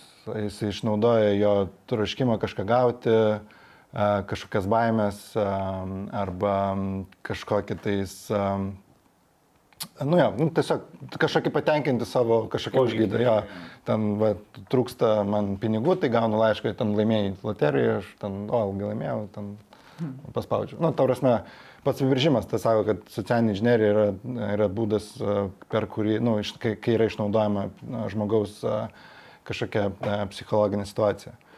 Tai aš būčiau labiau tas šalininkas. Tik sutinku su Andriaus mintim, kad, kad galbūt sistemos ir programinė įranga turėtų padėti ir iš vis, kad neteitų tas phishingas ar kažkas, tai bet vėlgi pačiam smaigalyje to yra žmogus, kuris nu, priema sprendimą ar paspausti, ar įsirašyti, ar nu, kažkokį atlikti veiksmą, kuris um, nutekins duomenis arba nu, kažkokia paleis programinė įranga. Jūs abu paminėjote šitą žvejybą, bet e, turbūt kas e, mus žiūri ir, ir nežino, kad fishingas yra ne tik e, su kai tu žvejoji žuvis. Tai čia yra vienas iš metodų socialinės inžinierijos, ne? Kiek, kiek aš, aš žinau. Tas na, socialinė inžinierija labai platu. platu. K- Vat, gerai, dabar sukonkretinam phishingas, ne? Kas tai yra ir, k- na, gal galėtumėt kelis pavyzdžius pateikti, tarkim, kad e, mūsų žiūrovai galėtų įsivaizduoti, kaip veikia phishingas, kas tai yra ir, ir galbūt kaip apsisaugoti nuo to, kad ne, neužkipti ant to, nes dabar aš irgi trumpai kiek pasiskaičiau, tai kad phishingas jis labai pradeda labai konkrečiai, nu, į žmogų, nu, asmeniškai tau kiekvienam vos netaik, taikomas. Priklauso, bet Jo, tai jo, priklauso, ten yra labai daug tų terminų, tarkim, ta phishingo ataka gali vadintis whaling atak- ataka, tai whale nuo banginio, tai fokusuojasi į aukšto a, Aukštus postus užimančius. aukštus postus užimančius žmonės, tada tas pats yra, kaip ten dabar galvoju, vishing, tai iš esmės e, per balso pranešimus tas pats e, phishingas, tiesiog, kad na, kitoks metodas, e, tai va tų phishingo smishing. jos mišing visokių tipų jų yra tikrai labai daug, tai, tai bendraja prasme visiems turbūt įsivaizduoti lengviausia būtų, tai a, tarkim, gaunat SMS žinutę parašytą, sveiki, jūs laimėjot a, kažkokį prizą, paspauskite ant šitos nuorodos. Tai lygiai tas pats vyksta ir su elektroniniais paštais. A, Tas pats vyksta iš tikrųjų tie patys nusikaltėliai, kur kalėjime sėdi, kodėl, kodėl Lietuvoje dar taip yra gaju ir nežinau, ar užsienį kitur irgi, kur tau paskambina ir apsimeta, kad, tarkim, jūsų sunus pateko į avariją, nors aš net neturiu sunaus, e, bet žmonės vis tiek kažkaip patikė ir va, būtent naudoja socialinį inžineriją, e, ištraukti tam tikrą informaciją, kad pervestų pinigus ir visą kitą. Tai iš esmės tas phishingas tiesiog vienas iš daugelio tokių gal metodų. Kaip, kaip, kaip žmogų priverst padaryti, ko jisai, e, kaip čia, arba vedamas kažkokių tikslų, kad jisai, vat, e, žaidžiant su ko žmogus nori, kad jisai įvykdytų mūsų norimą kažkokį komandą. Paspaustų, ar įsirašytų kažką, ar nueitų, ar pasakytų, ar galbūt atskleistų informaciją apie save e, kažkokią asmeninę. Tai čia priklauso koks motyvas. Kalbant biškai apie tendencijas, tai laukiu, kada išpopuliarės a, tas visas a, phishingas su deepfake. Jau, a, jau po, po truputį atsiranda pavyzdžių kaip pasaulyje, kur, vis kažkokia informacija išgaunama su deepfake, bet dar nėra toks, pavadinkime, mainstreamas. Su veidu ten Jo, pažinimu. kad video, video bet, su jo, kitas veidas. Jo, jo, jo. Tai čia dar, kaip sakyt, sakau, yra pavieni atvejai, dar nėra mainstreamas toks, bet aš manau, kad e, Čia čia... vos negali paskambinti finansų direktoriui, e, su naudodamas deepfake, užsidedi savo vadovo veidą ir sakai, perveskit pinigus šitai, šitai sąskaitai. Žinai. Nu ir tu net nekvesionuosi, kad skambina ne, ne iš to numerio visų pirma turbūt žmogus, video kolas, kas galbūt, nežinau, gal įprasta, tarkim, čia, čia turbūt vėlgi reikia modeliuoti, kas yra įprasta to įmonė ir kaip žmonės bendrauja, bet tarkim, jeigu jie ten bendrauja per, per video kolus ir tada tu pasinaudodamas deepfake technologiją apsimeti įmonės vadovų ir pasakai, kad padarykite ir tą arba tokius sprendimus, tai jo, skamba baisiai. Tai jo, ir tas pats e, lietuvių pavyzdys, kuris, man atrodo, prieš keletą metų nuskambėjo, kur jisai čia, nu, siuntė sąskaitas tiek Google'ui ar ten Facebook'ui, net ar Apple'ui, sąskaitas, kad susimokėtų ten kažkiek tūkstančių pinigų ir paskui nurodydavo savo ar kažkieno sąskaitą ir taip ten jau ne vieną milijoną jisai buvo ištraukęs, ten bet daug. paskui, paskui jį pagavo. Ir man atrodo dabar ekstradicija jisai gal į Amerikai perduotas buvo. Bet irgi, e, kaip sakyt, savam daržė, vat, e, žmogus tiesiog padarė tokią, kaip sakyt, ataką. socialinė inžinierija, kur tiesiog apsimetė kažkokią buhalteriją, kad e, tai ir pakeitė sąskaitos numerį ir viskas. Čia geras pavyzdys. Dar gal kokių turit? Vienas pavyzdys, dar, dar išsipasirašau. Bet ne apie, man labai tas senas geras ir man labai patinka, čia gal mano kartos toksai um, šitas kažkada buvo, gal dar ir dabar yra, nežinau, OneLT toks portalas. buvo, buvo. E, toksai. Ir ten būdavo ten 50-50, formiukai liūdi ten. Ir, e, ir, bet svarbiausias yra dalykas, kur e, peržiūrėdavo profilį kažkas ir tu jau bėgdavai kulveršį žiūrėti, kas ten ta, žiū, kam tu čia įdomus. Um, tai va ir ta nostalgija kažkaip ir kada viskas perskėlė iš OneLT į Facebooką. Facebook'e tos tokios uh, funkcionalumo tokio nėra, niekas nežino, kas ką peržinėjo. Um, ir bent jau Lietuvoje vienu metu, čia prieš, nežinau, nu, daug jau metų, dabar pastaruoju metu nemačiau, buvo tikrai populiarus um, atvejis, kai buvo kažkoks malvaras, kuris uh, plizdavo ir socialiniuose tinkluose, kur sakydavo, va, įsirašyk šitą programėlę ir tau parodys, kas ką peržiūrė. Taip, taip, buvo. Jo, ir jeigu tu paspaudai, tai jau žinai, kad, pas, nu, žinai, kad kažkas paspaudė, nes jis pradeda pats platinti tą žinutę, kad va, aš čia įsirašiau ir, ir dabar va, matau, kad matau, kas mane peržiūrė. Ir visiems ta nostalgija tokia turbūt yra išlikus, visiems įdomu, kam tu esi įdomus. Ir, ir va, tas va, būtent labai geras e, to psichologinio pažydimo pavyzdys, kad nu, va, žmonėm yra įdomu, kas jais domisi ir uh, ypač socialinius tinkluose ir va, va, pasimovė ir uh, įsirašė iš tikrųjų kažkokią programinę įrangą, pasileido ir, ir patys pradėjo platinti ir turbūt ten dar kažką padarė. Šiaip turbūt apie socialinį inžineriją tai taikoma daug kur ir gerais tikslais, ir blogais tikslais. Tai ta patys turbūt pardavimų vadybininkai, vadovai, e, kur tu kartais gali pasijaus kaip užhipnotizuotas, kaip parda, kažką tau parduoda ir tu nusipirki ir po to supranti, kad man visgi nereikėjo to dalyko. Tai, tai ta socialinė inžinierija, na, daug kur mes susidurėm, tai vienintelis būdas, kaip apsisaugoti, tai e, edukacija, tiesiog mokintis. matymas. Ir kritinis matymas, bet ir kaip irgi visi sako, kad e, tu bijai to, ko nesupranti. Tai, tai šitoj vietoj geriau, vietoj to, kad bijot socialinės inžinierijos, tai geriau žinoti, kaip pastebėti taikomus metodus ar technikas, nes tikrai jų ten nėra daug, e, pasiskaityti ir suprasti ir tada čia jau tiesiog į praktiką tą atliks savo, kai tu galėsi jau pastebėti, bent jau tu pastebėsi galbūt biški anksčiau, negu kad e, prieš tai galėdavai, arba šis gal net nepastebėdavai, kad kas tai taiko socialinį inžineriją e, nukreipta prieš tave, arba galbūt pastebėsi kažkokius e, užuominas, kad na, galimai čia jau kažkas vyksta ne taip, arba ba, tu esi bandomas na, palengti į kažkurio pusę, tarkim, ar sprendimą kažkokį priimti, ar dar kažką. Tai tas gali pasitarnauti ne vien tik e, apsisaugant nuo socialinės inžinierijos, bet ir, tarkim, e, kalbant, tarkim, toj pačioj įmonėje, tarkim, reikia security, na vis tiek pardavinėti ir kolaboruoti su kitom komandom. Tai lygiai taip pat tu gali panaudoti socialinę inžineriją įtaigiau kalbant arba siūlant sprendimus, ką reiktų daryti, kaip pakreipti kažkokius galbūt sprendimus ar, ar, ar dar kažką. Tai, Tai Dar, praverčia. mhm. dar vienas iš to phishingo e, tųgi būdų yra, kai e- email spoofingas, kai ten imituojamas uh, ale patikimas uh, siuntėjas, ne ten bankas kažkoks siunčia ar dar kažkas. Ir irgi ir tau siunčia ten su nuoroda ar kažkokį pinigus, na, kortelės, atnaujink savo kodus, ten nežinau. Taip, būdavo jo, kad apsimesdavo bankais ir, ir, ir, ir prašydavo atsidaryti. Man atrodo, gal čia visai nesnai būdavo, buvo, kad vienas, vienas iš lietuviškų bankų buvo kaip m, paimtas kaip pavyzdys, kurio siuntė, kad prisijungti ir, ir, ir suvesti tuos duomenis kažkokius. O kaip, kaip galima apsisaugoti nuo to, pavyzdžiui, jeigu nu, žmogus neturi, pat, nu, vat, kaip sakote, ne, neturi, jis ne, ne, nežino, ne, ne, su tuo nedirba, ne, nesidomi tuo. Ar įmanoma apsisaugoti, na, kažkokius pagrindiniai tipsai, ką reikia atkreipdėmėsi, nu, vat, kad nepakipti ant to. Turbūt priklauso, kas yra siuntėjas. Jeigu, tarkim, draugas, tau gali būti, kad ir draugas atsiunčia kažką, sako, paspaus kančia, tai pirmas klausimas, ar, ar tikrai tikėjotės tokios žinutės iš to savo draugo.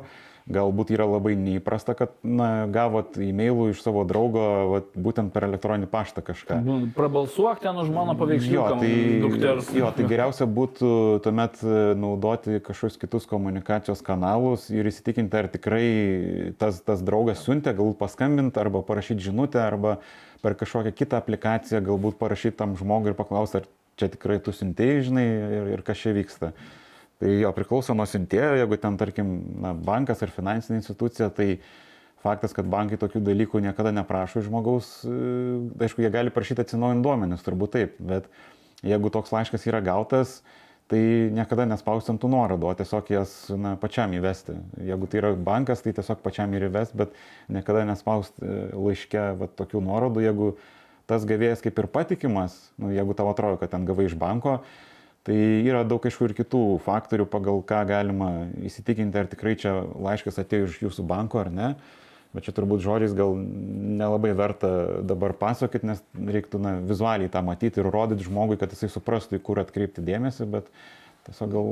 Jo, problema yra tame, kad galų gale vis tiek tas vadinamas, jeigu, na, yra du, yra phishingo tiesiog ataka, tai jinai dažnai matosi, kad galbūt blogai išversta, arba tokia, nu, jinai matosi, kad jinai tokia globalesnė ir, um, ir, ir pagal aišku turinį jau gali atskirti, kad e, jeigu turi gerą kritinį mąstymą, tai pagal aišku turinį jau gali suprasti, kad, nu, čia kažkas ne, nesąmonė ir, ir panašiai. Bet uh, tas yra spearfishingas, kur būtent tau, nu, tu esi taikinys ir tau yra ta žinutė parašyta ir uh, sumodeliuota taip, galbūt surinkus informaciją kažkaip apie tave ir jinai Na, pavyzdžiui, žinau, kad jūs buvote Ukrainai prieš savaitę ar dvi ir tą informaciją pasinaudojęs, aš galiu kažkaip su, vat, e, išsiųsti jums pranešimą, kad vat, pasižiūrėkit, kad kažkas a, yra. CTB atvejs irgi tas pats.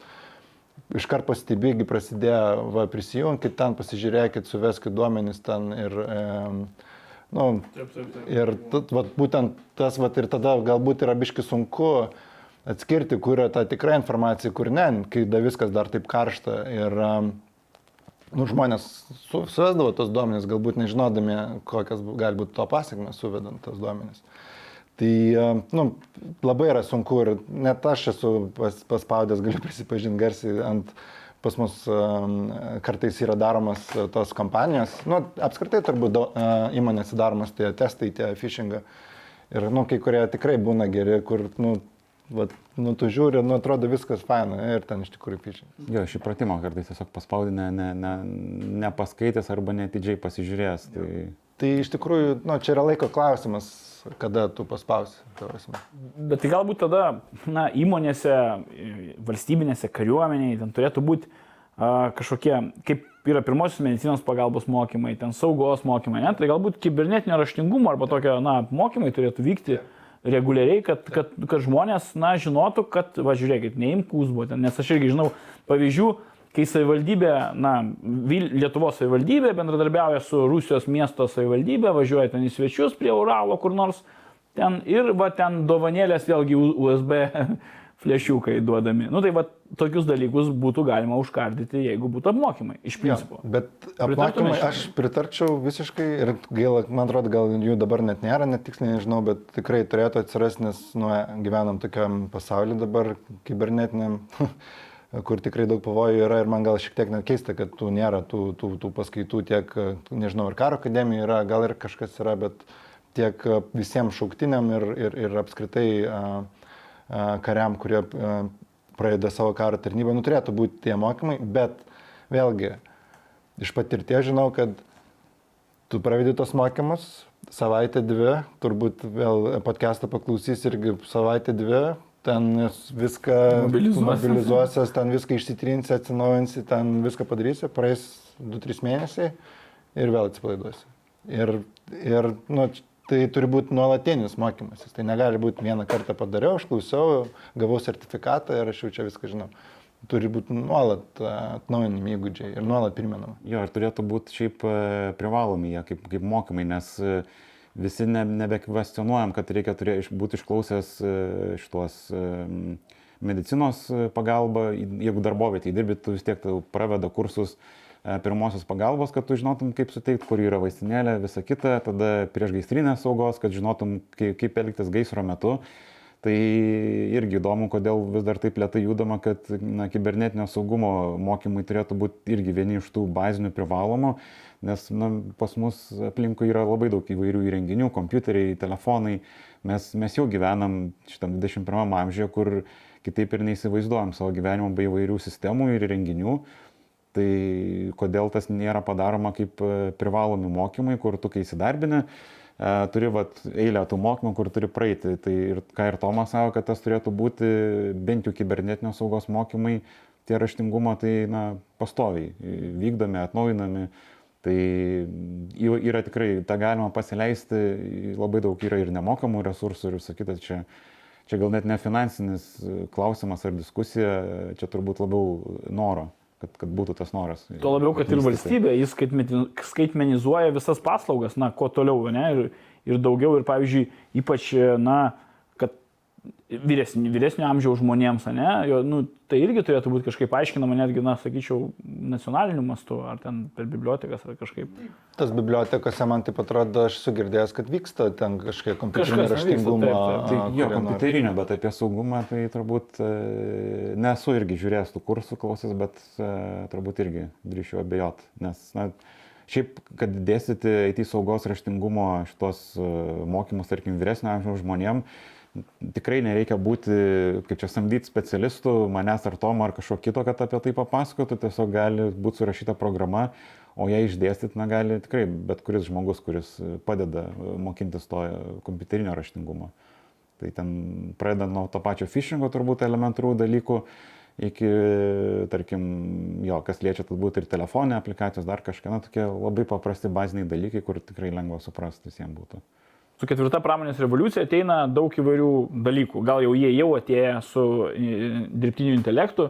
Ir va tas e, Internet of Things arba daiktų internetas, kiek jis e, gali, na, pa, pa, pakeisti, na, kibernetinio viso cyberio atakų, grėsmių, kaip čia, sąrašą, nežinau net. Aš gal tada pradėsiu Tomai perlisiu, nes irgi tęsiant tą visą mintį nuo pat pradžių, ką Tomas minėjo, patogumas ir saugumas, jeigu turim, tai daiktų internetas mus artina prie patogumo ir toliau nuo saugumo, nes tiesiog atsiranda labai daug, e, na tiesiog e, atakų vektorių kiekis eksponentiškai išauga, nes jeigu pas ten namie prieš tai buvo tik tais e, šitas bevėlio ryšio routeris, kur- galėdai kaž, kažkokiu būdu prisijungti, Tai šiuo atveju tavo visi įrenginiai, ir kameros, ir, ir termostatai, na, viskas jungiasi į internetą ir jeigu tu neapsaugosi savo, pradedant namų tinklo tvarkingai ir tų įrenginių, kuriuos tu turi savo namų tinkle, tai na, tiesiog patampi labai pažydžiamas. Tai čia turbūt e, namų sąlygomis, sąlygomis tą paprasta padaryti ir sudėtingiau kažkam įsilaužti, bet nėra neįmanoma.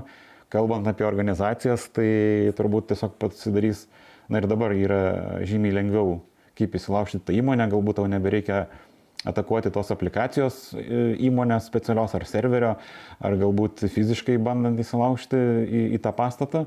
Jeigu įmonė yra labai daug tų vat, e, daiktų, daiktų prijungtų, išmanių daiktų, tai na, tiesiog e, darosi sudėtinga juos palaikyti visada atnaujintus. Klausimas, kaip dažnai išeina atnaujinimai.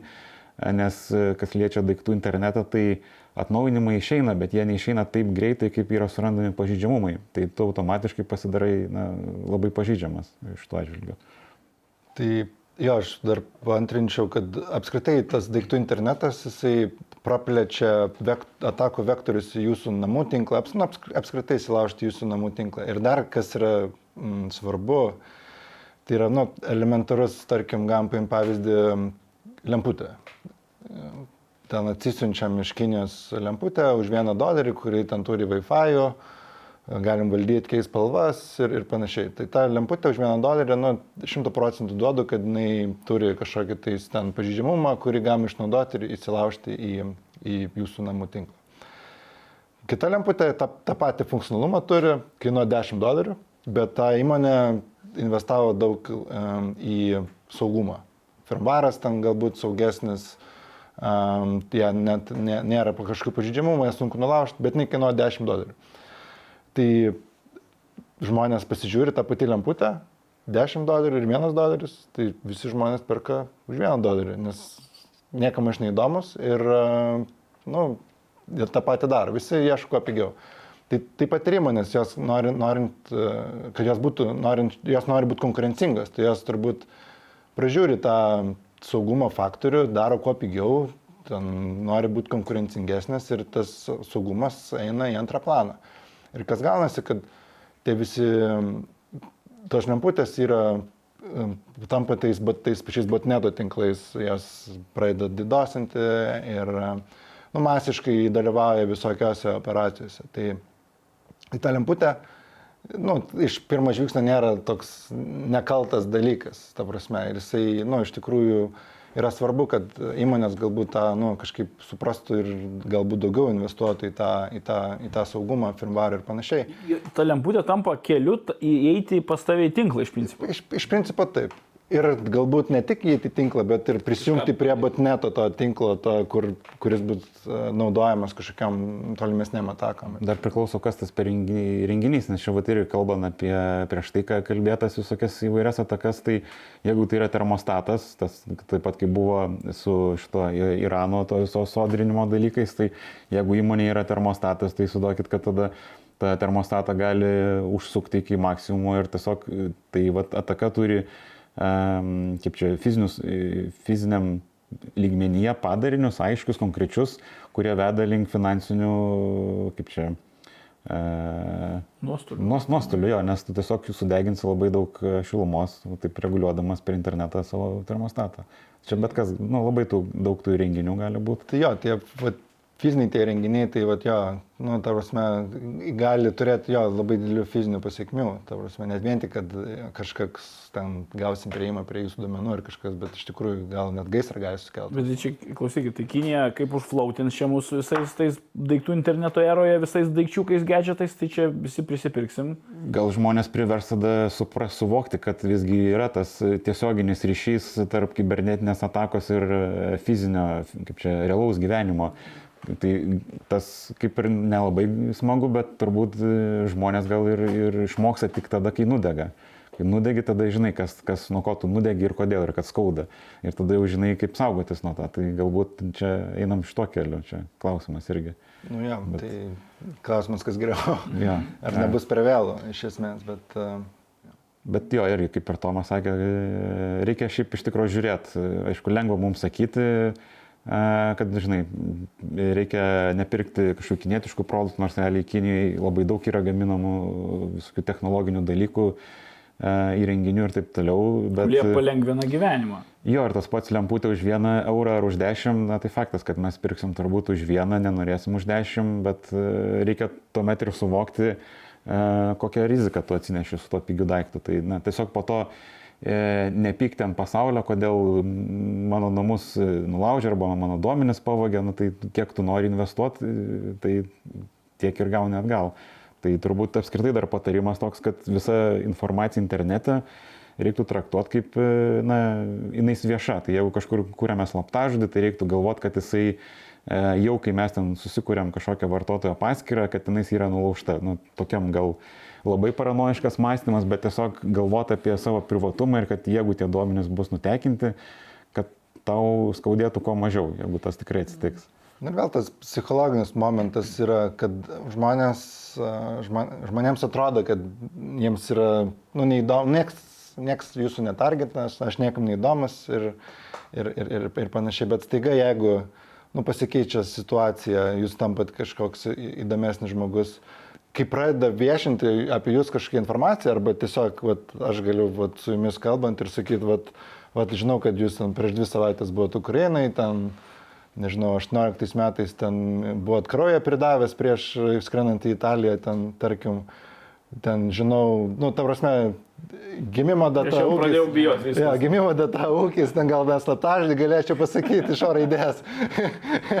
bet, bet um, kai vat, tu susiduri, tavo žmogus pradeda sakyti tą informaciją, kuri galbūt, o iš kur tu žinai, kas, kaip tu čia, ir tada jis pradeda, tampa nesaugus ir tada jis galvoja, kaip čia, kur čia, kas čia įvyko, ir nu, dažniausiai tai būna per vėlų, jau tavas metu esi kaip ant delno, tai nu, tiesiog nu, nereikia laukti to, kad, kol tai atsitiks. Tai, nes tu gali, nu, kai mes dabar šnekam galbūt kontekste, kad ten viena šalis gali ar kita šalis gali ten domėtis, bet taip pat gali domėtis ir jūsų kaimynas, jeigu jūs turite ten kažkokį kaimyną šalia.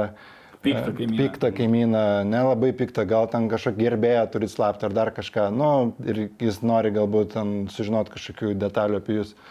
Tai tas kaimynas už sienos gali užsimti būtent tą veiklą ir jūs galite jo akimis būti kažkoks tai taikinys. Ir kai bus būtent tas žmogus gaus tą informaciją, nu, bus tada nelabai malonu žinoti, tai kad tas kaimynas kažką žino daugiau negu kažkas kitas. Tai aš kiekvieną tikrai kviečiu nu, pa, pamastyti apie tai, kad galbūt jūs ir man, man asmeniškai gal jūs nesate įdomus, bet jūs esate įdomus kažkam, kažkam, ne visi, e, nu, kaip sakyt, visi turi draugų, visi turi priešų. Tai, um, tai gal tas priešas gali ir rinkti kažkokią informaciją apie jūs ir reikalą esant ją panaudoti kažkaip prieš jūs.